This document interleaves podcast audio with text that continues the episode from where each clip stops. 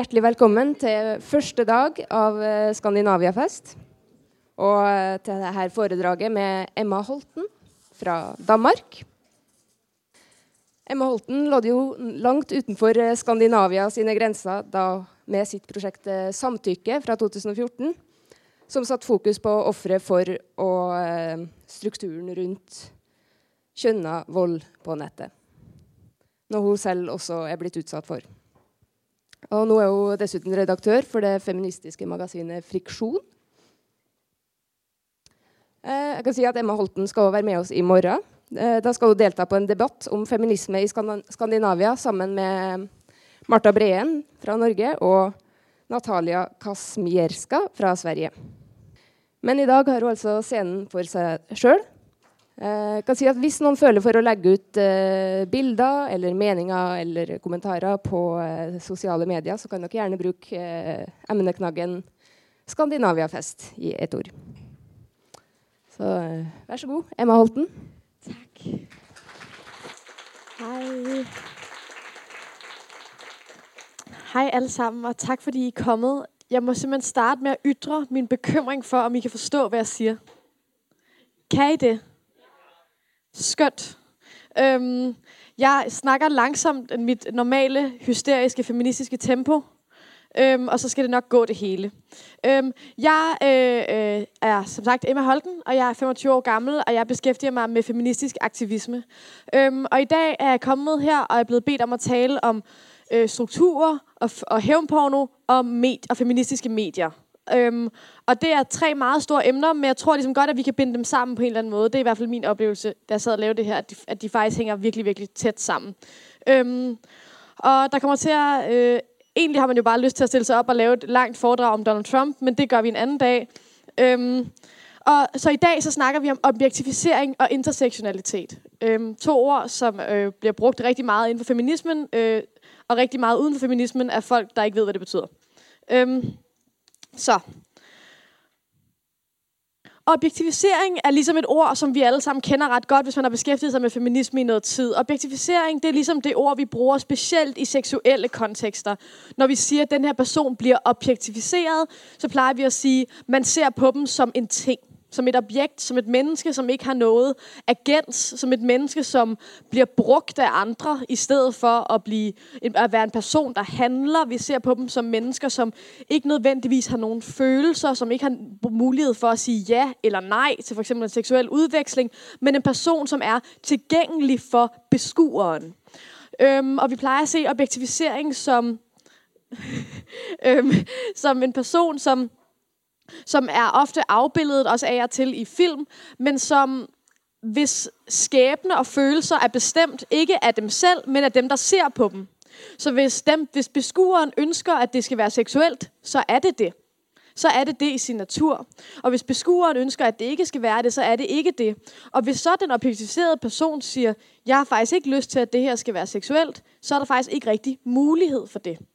Så der er ligesom et fravær af agens, og der er et fravær af bestemmelse over, hvad den egne krop kan betyde, og hvad den egne seksualitet vil sige. Øhm, her er ligesom et meget klassisk eksempel. Øhm, det her det er en reklame for American Apparel. Jeg tror alle sammen, I kender de her typer reklamer. Øhm, vi kan ligesom prøve at lave en lynhurtig billedanalyse af, hvad der, er, der sker her. Øh, der er flere ting på spil. Øh, vi har det her, den her tagline Made in Bangladesh. Som I nok alle sammen ved, så er Made in someplace noget, man normalt sætter på ting, og ikke på mennesker. Øhm, og det her, det er også et billede, hvor jeg sidder og tænker, hvad, hvad betyder det? Hvad handler det her ligesom om? Øhm, og det er ret svært at finde ud af, fordi man er sådan lidt, skal du sælge mig noget tøj? Men på det ene billede har du overhovedet ikke noget tøj på. Så det handler tydeligvis ikke rigtigt om det. Øhm, men alligevel er det et tøjfirma. Men der er i hvert fald helt klart noget med, at vi ikke ved, hvad hun vil. Ikke? Hvad er ligesom hendes formål med at stå der? Hvem er hun? Der bliver ikke rigtig sagt, har hun mulighed for at sige, det er faktisk ikke meningen, at du skal se det her billede på en seksuel måde? Ikke rigtig vel. Der er ikke rigtig sådan four ways til at tolke det. Der er ligesom en krop, og det er det, der er. Og det, du skal få ud af det, er primært et eller andet form for, be- en for begærsfølelse. Ikke nødvendigvis kun af at ville være sammen med hende, men også at ville være som hende, eller købe noget, der får dig til at være som hende. Og det, som er med det her billede, det er, at hun bliver i min traditionelle forståelse af objektivisering objektiviseret i kraft af, at der ikke er nogen overhovedet personlighed, der, for, der relaterer til hende nødvendigvis på det her billede. Og så specielt i kraft af den der tagline Made in Bangladesh, som får hende til at lyde, som om hun var en nylon-trøje. Øhm, og der er ligesom der er en masse ting i det her. Vi kan også snakke om nord og syd og magtforhold i forhold til nord og syd, men det behøver vi ikke øh, gå nødvendigvis ind i nu. Det her det er bare et eksempel på, hvordan er det, vi klassisk ser objektivisering. Fordi når vi snakker om objektivisering, så plejer det at være folk i porno, modeller, alle de her ting. Og det er et ret simpelt begreb. Det er ofte et begreb, som bliver brugt uden rigtig at udvide det, og det er faktisk ret svært. Øh, men lad os prøve at udvide det i dag. Øh, det der er, som vi stiller, har, stiller op imod subjektivisering, når vi siger, at nogen er blevet objektiviseret, så er det fordi, de er blevet nægtet retten til at være et subjekt. Og det, der kendetegner et subjekt, det er det her med, at de kan have intern konflikt. Hvis I tænker tilbage på hende, vi så lige før, så er der ikke rigtig plads til, at hun kan synes, det er lidt fedt, og hun kan synes, det er lidt okay, men hun er lidt i tvivl, og så er der nogle dage, hvor hun synes, at billedet er... Nej, det billede findes fuldstændig uden for hendes krop, og ligegyldigt, hvad hun synes om det. Øhm, en, en, en, et subjekt er også en person, som i min læsning øh, har plads til at fejle. At vi ligesom ser et subjekt og tænker, okay, men jeg forstår godt, at, at der er sket det her, og det fik dig til at gøre det, og vi er jo alle sammen komplekse, og det er svært at vide, og alle de her ting. Øhm, og et subjekt er også en person, som øhm, i min læsning får det, vi kalder øh, the benefit of the doubt. Øhm, et, når vi ser på et menneske og respekterer dem fuldt ud og helt som et menneske, som vi gør med vores venner og mennesker, vi har kært, så forstår vi godt, at de nogle gange gør dårlige ting, og vi tænker ikke nødvendigvis, at det gør dem til dårlige mennesker. Det vil sige, at vi ligesom siger, okay, men men jeg forstår, at det er svært at være et menneske i verden, at vi alle sammen har beslutninger, vi skal tage frem og tilbage, og nogle gange går det galt, og nogle gange gør man ting, man fortryder, og det skal, skal vi ikke nødvendigvis holde imod dig, eller det behøver ikke være et udtryk for din indre essens. Og det, der er med objektiviseringen, det er, at det, der sker med hende på det billede, det er jo, at hun bliver øh, sex og begær i sin essens. Ikke? Det er ligesom det, hun handler om på det billede. Det handler ikke om, har hun haft en dårlig dag, eller øh, kom hun ikke ind på det universitet, hun havde drømt om. Så det er ikke det, det handler om, det billede. Det handler ligesom om, den, der ser det, skal få en begærsfornemmelse ud af det, og det er det. Så snart man begynder at humanisere og subjektivisere hende for meget, så bliver det noget roding. Der kommer støj på linjen. Og det er derfor, det er i konflikt med subjektivisering, fordi at det, der er kendetegnet ved subjektet, det er det her med den interne konflikt, at det kan få lov til at være komplekse ting, flere ting på én gang. Øhm, og det her er et, er et komplekst og svært begreb, synes jeg i hvert fald, så jeg har ligesom taget nogle eksempler med på, hvad jeg mener. Øhm, her har vi øh, tre mænd. Øh, TJ Lancer har vi her ude til venstre, som øh, slog tre mennesker ihjel øh, på et skolekafeterie. Så har vi Ad, eller TJ Lane til venstre. Så har vi Adam Lanza i midten, som slog 26 mennesker ihjel øh, i Sandy Hook. Og så har vi James Holmes ude til højre, som slog 12 mennesker ihjel i en biograf. Det var ham, der klædte sig ud som The Joker. Øhm, der er noget statistik. 97% af skoleskydere er mænd, og 79% er hvide. Øh, skoleskyderier er et kæmpe, kæmpe problem i USA. Det sker hele tiden. Øh, her er, hvad jeg vil kalde et klassisk eksempel på subjektivisering øhm, og humanisering af skoleskydere. Det her skriver New York Times. This painful corner of modern American history does offer some answers. Many of the mass killers had histories of mental illness with warning signs missed by the people who knew them, and there are sometimes clear signs of psychological deterioration left unaddressed by the country's mental health system. The shootings almost always renew the debate about access to guns and spur examination of security practices and missed warning signals in what were damaged lives. Det, der sker her, det er, øh, hvad jeg vil kalde en ret feministisk læsning af, hvorfor de her ting sker. Vi bruger strukturelle forklaringer til at forklare, hvorfor folk gør dumme ting, og hvorfor tingene går galt. Vi bruger ligesom strukturerne til at sige, okay, men mennesker er gode. Hvis alle mennesker får en chance for at klare sig godt og lever i et samfund, som behandler dem ordentligt og med værdighed, så vil de blive gode. Hvis et menneske gør noget dårligt, så er det fordi, der er gået noget galt i vores samfund, i samfundets behandling af den person. Og vi menneskeliggør dem ved at sige det her. Ikke? Altså, det kan virke vildt hårdt, fordi man ved, hvad de her mennesker har gjort, men det her er også en løsning, et forsøg på at forstå en løsning på det her problem. Ikke? Et forstå på, forsøg på at forstå, hvad det er, der gør, at så unge mennesker kan gøre de her ting. Øhm, Og det er ikke tilfældigt for det videre, at øhm, jeg har de her demografiske informationer øh, på. Øhm, fordi lad os gå videre. Det her, det er fra øh, i år, øhm, og det her det er et andet eksempel på nogle mennesker, som bliver subjektiviseret. Det her det er David Blankenhorn, en rigtig god venstreorienteret skribent, som her skriver om mennesker, som er meget, meget positivt stemt over for Trump. Han skriver, i learned that many decent, sincere people who feel disregarded, disrespected, and left behind in ways that I do not feel and have never felt can disproportionately embrace political opinions that I view as bigoted or paranoid. And I wonder if there is fault here, whose fault is it? Her er vi simpelthen i en situation, hvor at vi begynder at humanisere mennesker, som siger racistiske ting, som siger sexistiske ting, og siger, okay, lad, lad os strække dem humanismens lange arm. Ikke? Lad os prøve at forstå, hvorfor det er, at de har de her holdninger. Er der økonomiske årsager til det? Er det fordi, at de ikke har fået ordentlig uddannelse? Hvad er det ligesom, der, der er gået galt i det her system, som gør, at de her mennesker har de her forfærdelige holdninger? Det her er også, fra mit synspunkt, et forsøg på at gøre de her mennesker til subjekter. Mennesker, som siger ærligt talt ret, ret forfærdelige ting om, om andre mennesker, og specielt om minoritetsgrupper og kvinder. Øhm, der er ligesom en enorm forståelse over for dem, og jeg synes også, som en lille sidekommentar, så må man også øhm, sige, at det er ret let for en hvid mand at sige, at man skal udstrække den her form for forståelse, fordi det er jo ligesom ikke ham, der bliver lagt for had af de her mennesker. øhm, at, men der er ligesom et, et, en følelse af, at jeg som, som uddannet akademikerkvinde skal være sympatisk og empatisk med de her mennesker, som vidderligt øh, ikke har respekt for mig.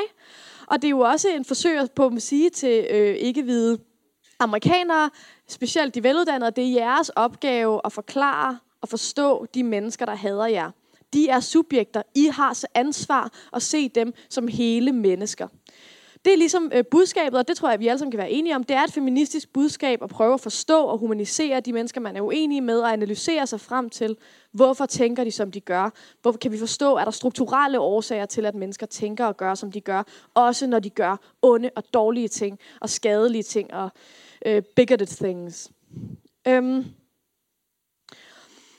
jeg tror, at vi er nødt til at have en lige så udvidet forståelse af, hvad objektivisering vil sige, som vi har af, hvad subjektivisering vil sige. Vi har lige nu en meget, meget simpel forståelse af objektivisering, som handler desværre primært om sex. Som handler om, kan den her person, er den her person et sexobjekt eller ej. Jeg tror, i min analyse, at mennesker kan blive set som objekter i langt mere udvidet forståelse end blot den seksuelle. Øhm, jeg tror, at du sagtens for eksempel kan blive objektiviseret og blive tilskrevet følelser. Det, der bare sker, er, at du ikke selv bestemmer, hvad de følelser er.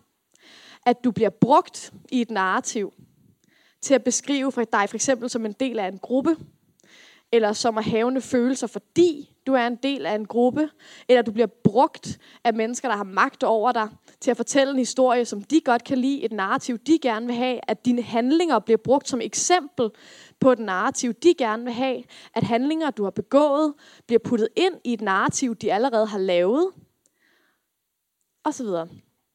Øhm, og jeg tror, et meget vigtigt begreb her er læselighed. Det er det her med, at vi som mennesker har et ønske om, at vores verden øh, og det vi observerer i verden skal passe ind i den forståelse, vi allerede har af den. Det er ligesom, når jeg fortæller folk i Danmark, at Danmark har øh, Europarekorden i vold mod kvinder, så kan folk ligesom ikke forstå det. Det er sådan, jeg kigger på dem og siger, jamen, det, det, har, vi, det ved vi det her. Vi har ligesom meget, meget omfattende tal på Danmarks meget, meget utroligt høje voldstatistik. Og fordi at det går så meget imod folks opfattelser af, at Danmark er verdens mest ligestillede land, så kan de ligesom ikke forstå det. De har ligesom ikke nogen krog at hænge det på. Forstår I, hvad jeg mener? Så det er ligesom, når man fortæller folk ting, som strider, strider mod det herskende narrativ, så bliver det svært for dem at overhovedet forstå det. Og jeg tror, at det, der er meget vigtigt for mig i aften, det er det her med at snakke om de her herskende narrativer. Altså, hvad det er for nogle fortællinger, som får lov til at styre, hvordan tingene passer ind, og hvordan mennesker passer ind i herskende narrativer. For eksempel, øhm, hvis en mand kører galt, hvilket de gør oftere end kvinder, hører jeg meget sjældent folk sige, mænd kan ikke køre bil. Men hvis en kvinde kører galt, eller hvis en flygtning begår et seksuelt overgreb, så hører man, det er meget farligt at tage flygtninge ind. Hvis en teenage-dreng begår et seksuelt overgreb, så siger man ikke, at teenage-drenge er meget farlige. Det er ligesom, hvem får lov til at blive, være et subjekt for sig selv, og hvem er et objekt i en større fortælling, fortælling udenom dem selv. Og det er det, vi kommer til at snakke om i dag. Er I med så langt på dansk? Er det okay? I må simpelthen sige til, hvis der er noget, I ikke forstår. Det vil være det er ens værste frygt som foredragsholder, at folk sidder sådan, what? Øhm, fordi, hvem er det, vi skal snakke om, som bliver objektiviseret her? Vi har ligesom den her klassiske objektiviseringsforståelse, som har vildt meget at gøre med det her med, med sexen og alt det her. Men jeg tror også, at der foregår objektiviseringer langt oftere, end vi tror. At det her med at bruge en persons personlige historie, eller at bruge en fortælling til at bekræfte et narrativ, sker rigtig, rigtig tit. Og jeg tror, at rigtig mange af de historier, som ikke bekræfter det herskende narrativ, for eksempel øh, at vi har statistik på, at øh, indvandrerkvinder i Danmark klarer sig faktisk i snit bedre i uddannelsessystemet end etnisk danske kvinder. Det er ligesom en statistik, som ikke dukker op. Fordi folk kan ligesom ikke forstå den. Det er bare sådan, nej, sådan er det ikke. Sådan tror jeg ikke, det er. Der må være noget galt med det studie. Og det er ligesom, når man fortæller folk, at, at folk, der stemmer på Trump, er rigere end dem, der stemmer på Clinton. Så er de sådan, nej, det er de ikke. Og så er man sådan, jo, det er de. Nej, det er de ikke. Det er fordi, de er sure over Brexit, og det er fordi, de er sure over de rige. Bare sådan, nej, det er de rige, der stemmer på ham. Og jeg tror, det er det, der, der er. Det er det, vi skal, det er det, jeg virkelig gerne vil snakke om, specielt når det kommer til det her med feministiske medier, og hvad feministiske mediers opgave er, så er det det her med at finde ud af at udfordre, hvad er de herskende narrativer, og hvordan bliver folk brugt som værktøjer til at bekræfte de her herskende narrativer. Hvordan bliver nogle historier hævet op for at bekræfte det, og nogle historier trykket ned, hvis de afkræfter det, vi kender som det herskende narrativ. Og hvor svært er det for os alle sammen at forstå fortællinger og forstå historier om mennesker, som ikke passer ind i det, vi altid har lært. Til det, vi altid har lært om, hvor exceptionel Europa er i forhold til hele resten af verden. Til det, vi har lært om, hvordan kvinder er, hvordan mænd er, hvordan etniske minoriteter er. Hvad sker der med de historier, som afkræfter det? Det er som om, de forsvinder.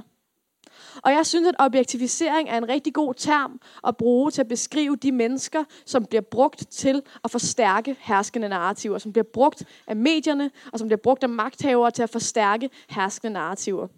Fordi en objektivisering er også en reducering af en person. Det er en endimensionalisering af en person, og dermed er det direkte i konflikt med feminisme, og specielt med intersektionalitet.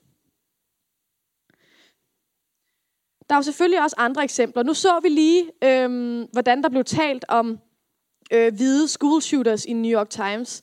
Øh, det var en meget sympatisk fortælling om, øh, hvordan vi skal prøve at forstå de her mennesker, hvordan vi skal prøve at forstå, hvorfor de havde det så dårligt, hvad det fortæller os om vores syn på psykisk helse, hvad det fortæller os om de mennesker, der er sat af, og hvorfor de her ting kan ske. Nu vil jeg vise jer en anden tekst fra New York Times, som handler om Michael Brown. Michael Brown øh, blev skudt af en hvid politibetjent øh, for omkring tre år siden. Han var ubevæbnet, øhm, og det er en meget, meget underlig historie. Det er faktisk ret uklart, hvorfor Michael Brown blev skudt. Øhm, man tror måske, at han har stjålet en cigaret. Vi ved det ikke rigtigt. Her er New York Times tekst om Michael Brown. Det her var altså kort efter hans død. Michael Brown, 18, due to be buried on Monday, was no angel. With public records and interviews with friends and family revealing both problems and promise in his young life. Shortly before his encounter with Officer Wilson, the police say he was caught on a security camera stealing a box of cigars, pushing the clerk of a convenience store into a display case. He lived in a community that had rough patches and he dabbled in drugs and alcohol. He had taken to rapping in recent months, producing lyrics that were by turns contemplative and vulgar. He got into at least one scuffle with a neighbor. Okay, hvad sker der her, ikke? Her har vi en situation, hvor vi taler grimmere om folk, der er blevet slået ihjel, end vi gør om folk, der slår ihjel. Det er en meget, meget underlig ting, der sker her. Og noterer jeg, hvordan det er den samme avis, øh, meget, meget tæt på hinanden, at de her tekster de er blevet skrevet. Og jeg tror, det er i hvert fald min analyse, at der er nogle herskende narrativer på spil her. Det er ikke en del af det narrativ, New York Times har om USA og om sin selvforståelse, at USA er et land, hvor at sorte mænd bliver skudt, fordi de er sorte af hvide politibetjente. Det er ikke et narrativ, de ligesom kan få til at hænge sammen inde i sit hoved, at Michael Brown blev skudt uden grund, fordi ham, der skød ham, var racist. Eller i hvert fald meget, meget dårlig til at gøre sit job. Så de er ligesom nødt til at gøre det her. Ikke? De er ligesom nødt til at få ham til at fremstå farlig. Ikke? Prøv at se. He had taken to rapping in recent months. Altså, der er intet der, stort set ud over det der med at stjæle cigarerne, så der er ikke noget der, man ikke også ville kunne skrive om mig. Ud at sige mere om min rap-karriere. Men jeg synes, det er meget påfaldende det her, og det er virkelig interessant, at vi skal bide mærke i det, fordi at der sker noget her, hvor at Michael Brown får ikke lov til at være sådan et, et syn, et bevis på et strukturelt problem, vel? Michael Brown var no angel. Og prøv at mærke, og jeg tror, det er det, apropos objektificeringen, det er præcis det, jeg mener. I hans essens var han ikke god, vel? Han var no angel. Han var ikke en pur person. Han var ikke en ren person. Se, hvis han havde været en ren person, så havde dette mor været noget ganske andet. Så var vi blevet oprevet og rystet over det. Men han var no angel. Det, der sker her, i min optik, er, at Michael Brown bliver objektiviseret for at bekræfte New York Times fortælling om, at politiracisme ikke er et særligt stort problem i USA. At de, at de mennesker, som vi hører om igen og igen og igen og igen, som bliver myrdet af politibetjente, transkønnede kvinder, sorte mænd, alle de her personer, som bliver offer for det her system, det er fordi, de er farlige i forvejen. De er en trussel for samfundet, og politiet slår ikke folk ihjel uden grund. Politiet er ikke racister. Politiet slår folk ihjel, som er farlige for samfundet. Her bruger New York Times Michael Brown til at ligesom stive sit herskende narrativ om, at USA er et velfungerende demokrati, hvor alle har lige rettigheder af. Ah, så kan vi alle sammen, så kan alle de hvide liberals i New York gå glade i seng, ikke? He was no angel. Bare rolig, der skete ikke noget. Det her er ikke noget, du skal bekymre dig om. He had taken to rapping in recent months. Og det her, det er jo selvfølgelig et isoleret eksempel, men jeg synes, at der er, der er, der er et mønster her. Okay, prøv at kigge her, hvad der står. Jeg kan tage nogle tilfældige og læse op. White suspect, straight A student plots to bomb high school. Black victim, Montgomery's latest homicide victim had history of narcotics abuse, tangles with the law. White suspect, bank robbery suspect was outstanding Blue Hills student. Black victim, Trayvon Martin was suspended three times from school. Black victim, police, Warren shooting victim was a gang member. White suspect, Alabama suspect, brilliant but social misfit. Black victim, shooting victim had had many run-ins with the law. Den, og så kører den, og så kører den. Se humaniseringen. Hvem der får lov til at blive fremstillet som et menneske, og hvem der får lov til at blive fremstillet som en farlig anomali. Vi taler seriøst i USA pænere om hvide mennesker, der laver kriminalitet, end vi taler om sorte mennesker, der bliver slået ihjel af politibetjente. Og jeg tror, at det her det er meget vigtigt som, som feminist at være opmærksom på. Fordi at her, det, jeg, tror, jeg tror ikke engang, at de journalister, der sidder og laver det her, opdager, hvad det er, de gør. Jeg tror, de ser et billede af en hvid person, og så tænker de, hvordan kunne du gøre det? Hvordan kunne du, the angel, finde på at bombe high school? Der må være gået noget galt. Nu finder vi et eller andet godt om dig. Nu finder vi et eller andet. Ah, outstanding student. Skide godt. Overskrift. Gud, nu er der en eller anden, der er blevet skudt af en politibetjent. Det passer ikke ind i nogen af de narrativer, jeg har inde i mit hoved. Jeg er nødt til at finde noget dårligt om dig, så det hele passer sammen. Og jeg tror, at det her det er noget, vi alle sammen gør. Prøver at få de ting, vi hører, til at passe ind i det samfund, vi ser. Altså, det er jo simpelthen så påfaldende nu, men hvordan folk læser, hvad Trump vil sige, er et perfekt eksempel på det her dem, som synes, at neoliberalisme og økonomi er det aller, aller største problem, ser det udelukkende som et økonomisk problem. Dem, som synes, racisme er det største problem, ser det udelukkende som et problem, der handler om racisme. Og det er sikkert a little bit of both. Dem, der er fokuseret på sexisme, siger, at det udelukkende handler om sexisme mod Clinton. Og så kører den ligesom... Og det er sikkert lidt en blanding af det hele. Men det, der sker, det er, hvordan at noget, som man ligesom ville sige objective fact, ikke? Trump har vundet, her er nogle statistikker, vi læser alle sammen det samme, alligevel er vi sindssygt dygtige til at få det til at passe ind i den square, vi ligesom har. Og der er desværre rigtig, rigtig mange mennesker i USA, der har en square, hvor politivold mod etniske minoriteter, og specielt seksuelle minoriteter og transkønnet, ikke er et problem. Ikke er en rigtig ting, som findes i verden. Så derfor, når det sker, så er de ligesom nødt til at finde på en måde at forklare det. Og så er der, står der sådan noget som for eksempel, had history of narcotics abuse. Som om det på en eller anden måde berettiger, at man bliver myrdet af en politibetjent. Hvem herinde har ikke brugt narcotics? Altså, jeg spørger bare. Så det her med, med, med narrativerne er sindssygt, sindssygt vigtigt. Og det, der sker med de her mennesker, det er jo, at de bliver nogle af dem bliver til subjekter i den fortælling, vi fortæller om dem. De får rettigheden til at have kompleksiteten af at være et menneske. Du kan være en outstanding student, og så går det stadig fucking galt. Så kompleks er verdenen. Men der er altså nogle mennesker her, som ikke får retten til at have den kompleksitet. Der bliver der sat en direkte lighedstegn mellem narcotics abuse og at de bliver slået ihjel. Jeg ved ikke engang, hvorfor det er relevant, at en person har brugt narkotika, når de bliver myrdet. Men her er det i overskriften. Og jeg tror, at de narrativer er vigtige, hvis vi skal forstå og få en mere udvidet forståelse af objektivisering, og hvordan vi specielt bruger case-historier om specifikke mennesker til at bekræfte vores herskende historier om vores samfund.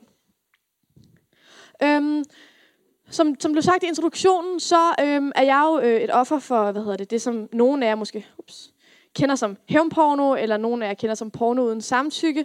Øhm, og det var egentlig der, min, da jeg blev offer for det, at min interesse for det her øh, startede. Fordi at jeg tror, at mange vil sige, at, at at være offer for hævnporno er et primært eksempel på at være objektiviseret. Ikke?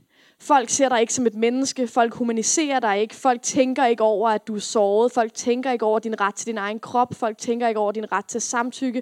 De menneskeliggør dig ikke. Og, og det, var, det kunne jeg mærke på mig selv, at det var jeg også på mange måder enig i. Men, men ikke helt. Fordi jeg følte også, at det var jo ikke fordi, de her mennesker så mig som en sten eller som en dør. Det var meget tydeligt, at de var klar over, at jeg var et menneske. Det menneske var bare ikke mig. Det var et menneske, de brugte til noget selv. Og den fortælling, de lavede om mig ud fra det billede, de så, det var, at jeg havde ligesom været seksuelt våget. Jeg havde taget seksuelle chancer, og nu skulle jeg straffes for det. Og derfor var jeg billig og en luder og alle de her ting. Øhm, fordi at det var jeg i min essens. Når man så et hævnpornobillede af en person, så passede det ind i ens forståelse af, at alle kvinder jo inderst inde er ludere, og her er en, der er blevet afsløret. Så det var sådan, jeg kunne allerede mærke dengang, at sådan objektiviseringslabelet følte jeg ikke rigtig passede til det, der var sket for mig, fordi at jeg blev faktisk tilskrevet følelser af de her mennesker. Det var bare ikke mine. Det var bare nogle, de selv havde fundet på. Øhm, og der var, og der var ligesom den her skævhed, hvor at, at jeg kunne ligesom godt stille mig op og sige sådan, øhm, jeg skammer mig ikke over det her, jeg synes ikke, jeg har gjort noget galt, jeg synes ikke, der er noget ydmygende ved det, der er sket for mig. Men det var ligesom ligegyldigt, for jeg var allerede blevet objektiviseret op til en person, der passer ind i den ydmygede kvindenarrativet. Du kan ikke blive udsat for hævnporno uden at skamme dig at være ydmyget. Det skal du være. Det er pointen. Og det passer egentlig fint nok ind i min forståelse af objektivisering, som er, at de bruger de billeder af mig til at bekræfte deres shitty syn på kvinder. De bruger ligesom det, der er sket for mig, til at få det til at passe ind i, at hvis en kvinde bliver afsløret i at være meget seksuel, så er det skamfuldt for hende. Og så skammer hun sig. Og så er det ydmygende. Og så er det ligegyldigt, hvis jeg er sådan lidt, hey, det gør jeg faktisk ikke. Fordi det passer ikke ind i deres narrativ, hvis jeg ikke skulle skamme mig. Det passer ikke ind i deres forståelse, de følelser, de projicerer hen på mig, og det passer heller ikke ind i det, som er det store fascinationsobjekt ved hævnporno, som er det her ønske om at ydmyge andre, som er det her ønske om at få magt over andre mennesker.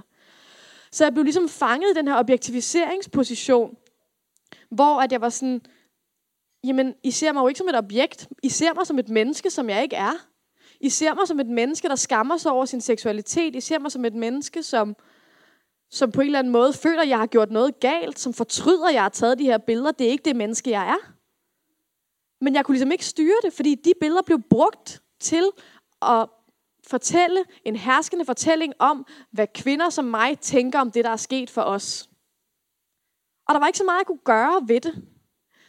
Øhm, jeg gjorde så alligevel noget. Øhm, og det jeg gjorde, det var, at jeg lavede et projekt, som hedder Samtykke. Og Samtykke er en serie på 10 billeder, der hedder En ny historie om min krop, og en tekst, jeg har skrevet, der hedder Samtykke. Og samtykke var ligesom et forsøg på at humanisere og subjektificere den nøgne krop. Det var ligesom et forsøg på at sige, ja, I har set mig nøgne, nøgen, og hvad så? Og hvad så? Hvorfor skal det betyde, at I påbutter mig alle de her følelser? Hvorfor skal det betyde, at hele mit samfund, alle mennesker, ikke bare dem, der deltager i det her, antager, at jeg skammer mig, antager, at jeg er ydmyget, antager, at jeg ved, at jeg er mindre værd, og at jeg skal opføre mig, som om jeg er mindre værd. Det var næsten som om folk blev provokeret af, at jeg ikke skammede mig over det. Det kan jeg ikke forstå. Det ville jeg godt nok gøre. Det var ligesom som, at når man sagde, at jeg synes ikke, jeg har gjort noget galt, så blev folk ligesom sådan, men, men du forstår godt, at, at du også selv har et ansvar her, ikke? Og jeg var sådan, nej, det forstår jeg faktisk ikke. Det synes jeg ikke, jeg har. Og folk kunne ikke forstå det. Og det blev vreden over det, og vreden over at blive så fejllæst, og grunden til, at øhm, projektet øh, og fotoprojektet hedder En ny historie om min krop, det var, fordi det handlede om at udfordre det herskende narrativ om de mennesker, som bliver udsat for det, som jeg bliver udsat for. Og øh, her er et lille citat fra Samtykke, som var den tekst, jeg skrev. Øhm, øh, at se på og opsøge billeder af nøgne kvinder uploadet mod deres vilje er at aktivt deltage i dehumaniseringen af den kvindelige krop. At samtykke i at blive seksualiseret af en person er ikke et go-ahead til alle. De kvinder, vi seksualiserer, er mennesker. Sex er en af, mange, er en af de mange forskellige ting, deres krop kan bruges til. Overseksualisering er en reduktion af den kvindelige krop, der legitimerer, at man behandler den på måder, der umenneskeliggør den. Tænd på mennesker, begær dem, ønsk dig at knalde dem, men lad aldrig seksualisering og humanisering ekskludere hinanden. Og jeg var ikke nået så langt i den her analyse, som jeg er nu på det her tidspunkt, men jeg kan allerede mærke, at jeg gik med de her tanker i hovedet, fordi det undrede mig så utroligt, at seksualiseringen i sig selv skulle være et så magtfuldt narrativ, at det ligesom udslettede alt andet ved mig. At det ligesom var som om, at det i sig selv er nok til at trumfe alle andre træk ved min personlighed, alle andre ting, jeg nogensinde har gjort. Jeg oplevede den der reduktion, som vi snakkede om før, den der reduktion af min menneskelige kompleksitet til et billede. Fordi at det ikke er en del af den herskende fortælling, at hævnpornooffre er mennesker. At vi reflekterer på forskellige underlige måder over det, der er sket for os. Og nogle dage er det godt, og nogle dage er det dårligt, og nogle dage er vi empowered, og nogle dage not so empowered. Det var der ligesom ikke plads til. Jeg var bare en ydmyget person. Og vi har allerede et herskende narrativ omkring, hvad vi tænker om ydmygede personer. Og det har en eneste dimension, og det er der, jeg kan få lov til at bo. Og øhm, samtykkeprojektet blev mildest talt en lidt større succes, end jeg havde regnet med. Øhm, jeg havde ikke troet, at jeg ville stå sådan nogle steder som her og snakke om det, men jeg er meget taknemmelig for, at jeg gør. Øhm, fordi det virkede til, at der var ret mange, der havde brug for at få præsenteret et alter, en alternativ fortælling om mennesker, der er blevet udsat for overgreb. Og en alternativ måde at tale om vores forhold til sex og vores forhold til vores egen krop, som følge af, at vi er blevet dehumaniseret. Og som følge af, at vi er blevet objektiviseret på den her måde, og at vores krop er blevet brugt af andre til deres fortælling mod vores vilje. Og jeg tror, det er noget, som seksuelle overgrebsofre på mange måder har til fælles. Det er det her med, at vi føler, at vi ligesom er blevet en brik i andre menneskers seksualitet. En brik i andre menneskers verdensforståelse. Og vi er blevet reduceret af det. At der har været lange, lange øjeblikke, om så det er fysisk eller psykisk, i øjeblikket eller efter, eller mange år efter, hvor vi meget, meget klart mindes fornemmelsen af, at folk ikke behandler en som et helt menneske. At folk ignorerer, hvad man ønsker sig. At folk ignorerer ens ret til samtykke. At folk ignorerer ens ytringer om, at man ikke har lyst til, at det skal være sådan her. At man godt vil have, at de skal stoppe. Og så bliver de bare ved og ved og ved. Og den oplevelse er ekstremt, ekstremt traumatiserende, og det var den oplevelse, som jeg prøvede at sætte ord på. Altså prøvede at beskrive det her med, hvorfor er det, at vi ikke kan se, at det her er det samme som det her, og den her person er lige så kompleks som den her person. Og det var der åbenbart dengang, og det er der stadig i dag. Rigtig mange mennesker, der er svært ved at se, at der bliver simpelthen snakket så grimt om det der projekt i Danmark.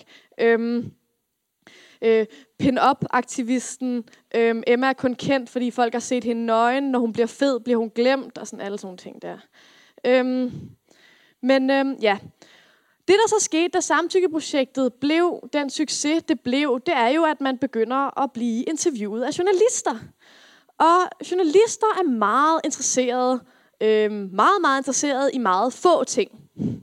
Meget specifikke ting er de i. Og min erfaring med at leve som hævnpornooffer var både før øh, og nu, at det er en ret øh, kompleks oplevelse. Øh, der er ligesom øh, nogle dage, hvor at jeg føler mig enormt stærk, og hvor jeg føler, at sådan, det, der er sket for mig, har, har ligesom gjort mig stærkere på en eller anden måde. Det har gjort mig til feminist, det har gjort mig til alle de her ting. Det har været en erfaring, som har givet mig nogle indsigter om verden, som jeg kan bruge i mit aktivistiske arbejde, og det har været vigtigt for mig.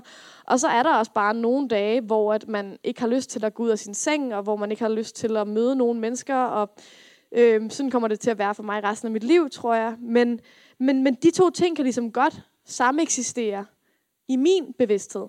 Jeg kan godt se de to ting ved siden af hinanden, at jeg nogle gange er stærk, og nogle gange ikke så stærk, og, og det er ligesom min person. Det kan journalister bare ikke rigtigt. Fordi at jeg måtte ligesom vælge, er du offer eller ej? Øhm, og jeg var sådan lidt, jamen, jeg, er ligesom, jeg vil beskrive mig selv som måske offer og aktivist. Nej, det må man ikke. Et offer er det synd for, og en aktivist er det ikke synd for. Enten er du stærk, eller også er du svag. You can't have both. Og det var ligesom sådan, så, så prøvede jeg sådan i interviews at sådan beskrive, sådan, som jeg lige har gjort for jer, at så er der nogle dage, hvor det er enormt svært, og så er der nogle dage, hvor man føler sig enormt støttet af det feministiske miljø, og det går godt, og sådan noget. Choose one. Øh, nej, det her det er en artikel, der handler om, øh, hvor svært det er at være udsat for hævnporno, så vi vil ikke høre om de dage, hvor du har det godt. Nej, det her det er en artikel om, øh, om din aktivisme, så hvis du kan lade være med at snakke om, når du har det dårligt, så vil det være super, fordi vi vil gerne vise dig som en stærk survivor-type. Og jeg er bare sådan, jeg er ingen af de to. Jeg er begge de to. Men der var ligesom ikke, det passer ligesom ikke ind i folks forståelse af, hvad det vil sige at blive interviewet i en avis, at man siger, det ved jeg ikke, a little bit of both. Det må man ikke, fordi at det, jeg blev til, da jeg øh, lavede samtykkeprojektet, det var, at jeg blev en case. Og det, der sker, når man bliver en case, jeg går ud fra, at der er mange af jer, som har prøvet at øh, blive interviewet, det er, at sådan, du skal bruges til én ting. Der er ligesom et, en artikel, og så er der et hul, hvor du skal passe ind. Og i det hul skal du enten sige, det her er det mest forfærdelige, jeg nogensinde har oplevet i hele mit liv, eller jeg føler mig meget stærk, jeg er så glad for, at jeg er kommet ovenpå igen. Det er ligesom de to valgmuligheder, der er. Og det føltes så vanvittigt for mig, fordi hele mit projekt var jo præcis en modstand mod det der. Ikke? Det handlede præcis om at sige, at jeg er en divers person. Jeg, det her det er sket for mig, men jeg er alle mulige andre ting også. Og jeg vil gerne være aktivistisk på det her område. Jeg vil gerne tale om det. Men jeg vil ikke reduceres i processen. Jeg vil ikke reduceres til en case, så I kan fortælle jeres historie, som I allerede har bagt i forvejen, om hvad hævnporno er, og hvordan os, der oplever det, er. Og så er det sådan, kan du sige noget generelt om, hvordan hævnpornooffer har det? Og så sidder jeg bare sådan, nej, vi er jo meget forskellige, og det er også forskelligt, hvad for et socialt lag man kommer fra. Bor du i landet, eller bor du i byen? Og har du religiøse forældre, for eksempel, så er det jo et helt andet problem. Jeg kan ikke snakke på vegne af dem alle sammen, vi er meget forskellige. Jamen, kan du ikke sige noget sådan lidt generelt? Nej, faktisk er hele pointen med min aktivisme, at der ikke er nogen generel historie. Der er meget, meget lidt, man kan sige, som vi alle sammen har til fælles. Og det er derfor, det er enormt vigtigt, at vi taler om de her erfaringer som noget diverst og noget meget svært at forstå. Og det føltes ligesom, som om jeg følte mig ekstremt bundet af det der. Øhm, og nu kommer vi ligesom ind i det der, der handler meget specifikt om medier, fordi at samtykke blev offentliggjort i Friktion, som er et øh, magasin, som jeg har været med til at stifte i Danmark, øhm, og som jeg også er redaktør på. Og det var ikke tilfældigt. Jeg havde ligesom tænkt over, da jeg havde levet med det her, okay, men hvad, hvad gør man ligesom, når man gerne vil sige noget til samfundet?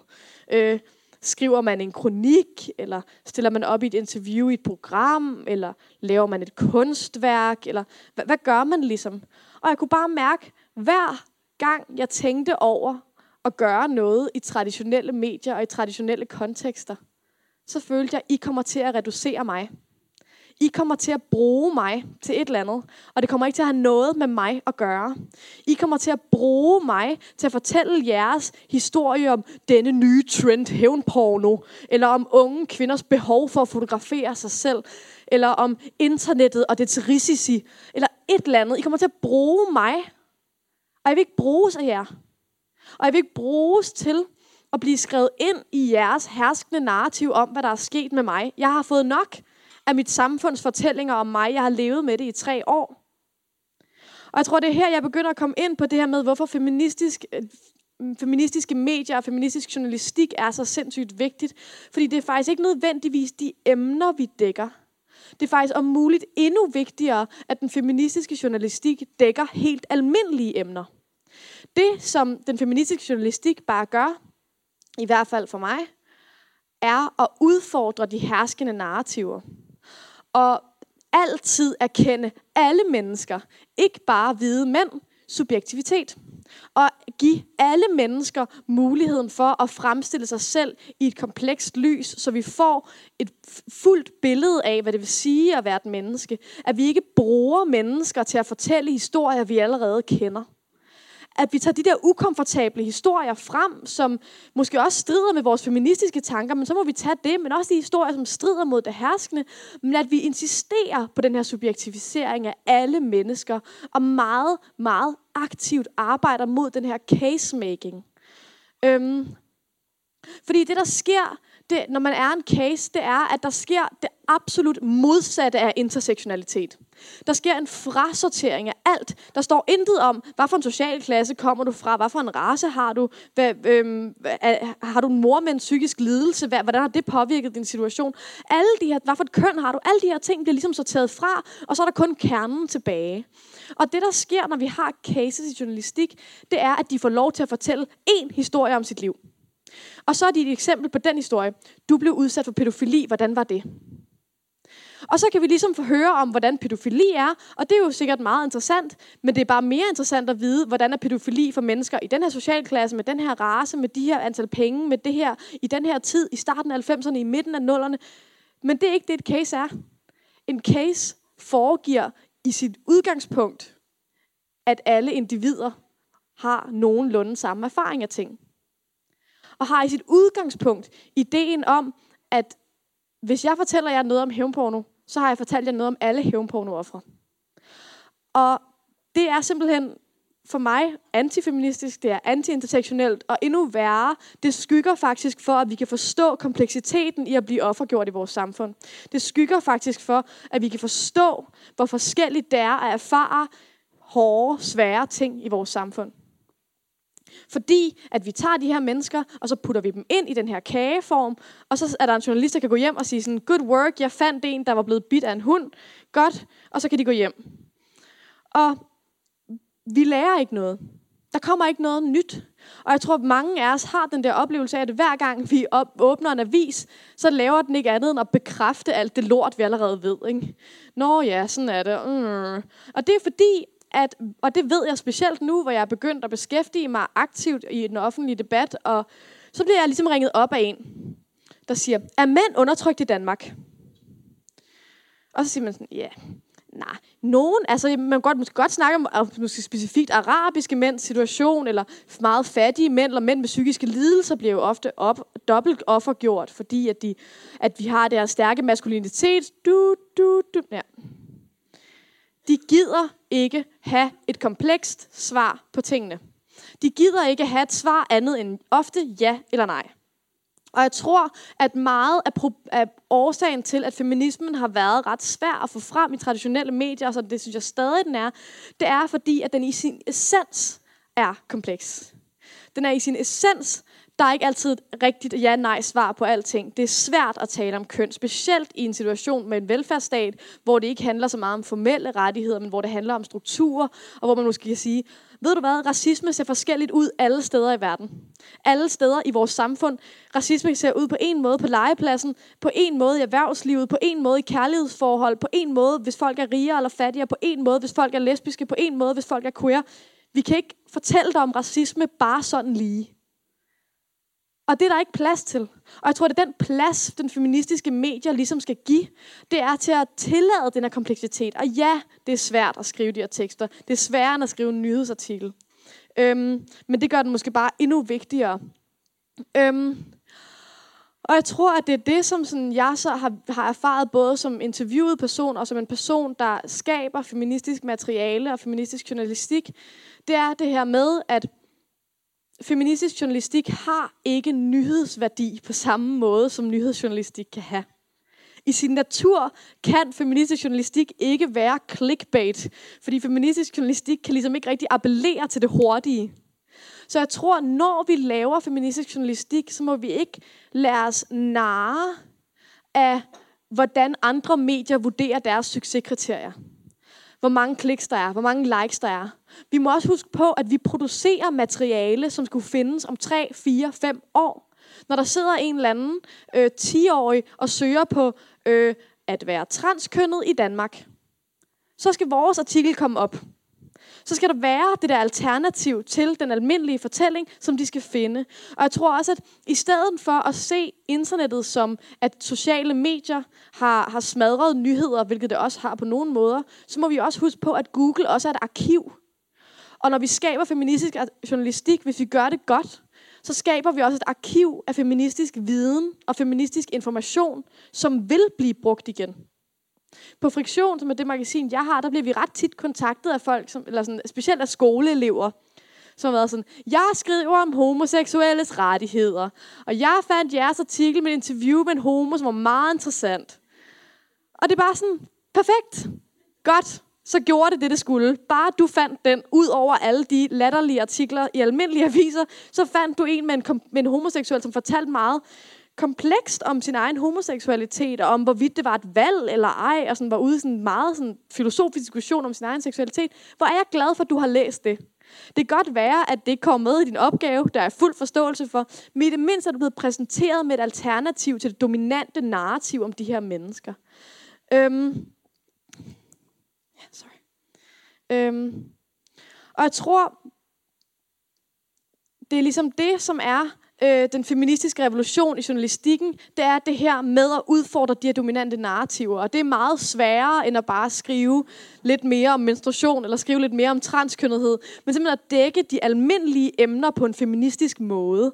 Og ligesom Øh, ændre præmisserne, og læse i de almindelige aviser og sige, okay, hvad er det, der bliver antaget her? Hvad er det, der bliver taget for givet? Jeg tænker for eksempel på det, øh, når jeg læser øh, interviews med flygtninge i Danmark. Øhm, lige nu så er der sådan nogle øh, forskellige aviser, som holder sådan nogle, øh, har sådan lidt kampagneagtige ting, hvor de interviewer ligesom en tilfældig flygtning, og så fortæller de om deres flygtningehistorie og sådan noget. Og det gennemsyrer ligesom hele interviewet, at den her flygtning skal vise, jeg er ikke terrorist, jeg er ikke terrorist, jeg er ikke terrorist. Jeg er ikke farlig, jeg er god nok. Jeg har en uddannelse, og så snakker de om, hvor uddannet de var, og hvor flot deres hus var. De havde en helt normal indkomst, og de har et ligestillet forhold, og mig og min mand, min mand er feminist, og sådan noget. Ikke? Altså, og, og jeg, altså, jeg kan godt forstå i det herskende narrativ, der er i Danmark, at det er det, der ender med at ske. Men det, der bare sker med de interviews, det er jo, at de også bekræfter det. Ikke? De er med til ligesom at skabe den dynamik, hvor at frygten er der, og så modspiller vi frygten. Og så kommer frygten igen, og så modspiller vi frygten. Og det, som jeg godt kunne tænke mig kunne være et feministisk alternativ til det, det er, brug en flygtning som øh, ekspertudtalelse i din artikel om noget fuldstændig andet. Altså, ikke positionere dem i den rolle. Ikke brug dem som flygtningecase. Ikke brug dem som objekt i din fortælling om, Gud, vi har en flygtningekrise. Øh, når du er flygtning, hvad så? Se dem som mennesker. Aktivt inddrag dem i samfundet, i stedet for at se dem som den her giraf, du kan fotografere og jeg tror, det er det, der er vigtigt ved den feministiske øh, journalistik. Det er, det er jeg, jeg kan simpelthen ikke sige det nok gange, det er det her med at udfordre alle de ting, der bliver taget for givet i den gængse, litterat, i den gængse journalistik. Alle de ting, vi ikke ser. Altså alle de, som, det, som vi normalt ville kalde normer eller sådan noget. Som er, er det muligt for os at tale om alle mennesker, som der bliver talt om hvide mænd, der skyder 26 mennesker? Er det muligt for os, at når vi taler om individer, så taler vi om de strukturelle omstændigheder, som er omkring dem, som gør, at de er i den situation, at de er, at deres situation blev specifikt, som den er. Er det muligt for os at give dem den chance at tale om folk, som alle mænd er mennesker, der lever i et samfund, og som er afhængige desværre af struktur og bekræftelse og patriarkat og alle de her ting, som gør, at vi ikke bare hænger suspenderet som en case i ingenting. Og det er det, som feminismen så radikalt kan, og det er derfor, den er så radikal, og det er derfor, den er så provokerende for mange mennesker, fordi den insisterer på subjektiviseringen af alle. Ikke? Den insisterer ligesom på, nej, alle er subjekter. Vi kan ikke reducere nogen. Og det gør det hele meget sværere. Og så siger folk sådan, ja, men generelt er kvinder jo sådan her. Generelt er flygtninge jo sådan her. Generelt er hævnpornooffer sådan her. Generelt er unge sorte mænd, der bliver skudt sådan her. Nej, ikke noget af det. Og det er ligesom den der, det er, den der, det er dogenskaben, ikke? det er dogenskaben i mainstream journalistik. Alle de ting, der bliver taget for givet, alle de ting, som man ikke orker undersøge ved helt almindelige hverdagshistorier, som den feministiske journalistik er nødt til at udforske. Og det kommer ikke til at gøre, at vi får den mest sælgende avis. Det kommer ikke til at gøre, at vi får flest kliks. Nogle gange går noget viralt, som for eksempel samtykke, fordi sjovt nok er der mange mennesker, der har et behov for at se mennesker blive subjektiviseret. Men det er ikke mainstream lige nu, det feministisk journalistik laver. Det vi til gengæld laver, det er et arkiv, som kan bruges, og som præsenterer et alternativ til den dominante historie. Og det tror jeg, specielt i disse dage, at vi alle sammen har brug for, at vi subjektiviserer the other.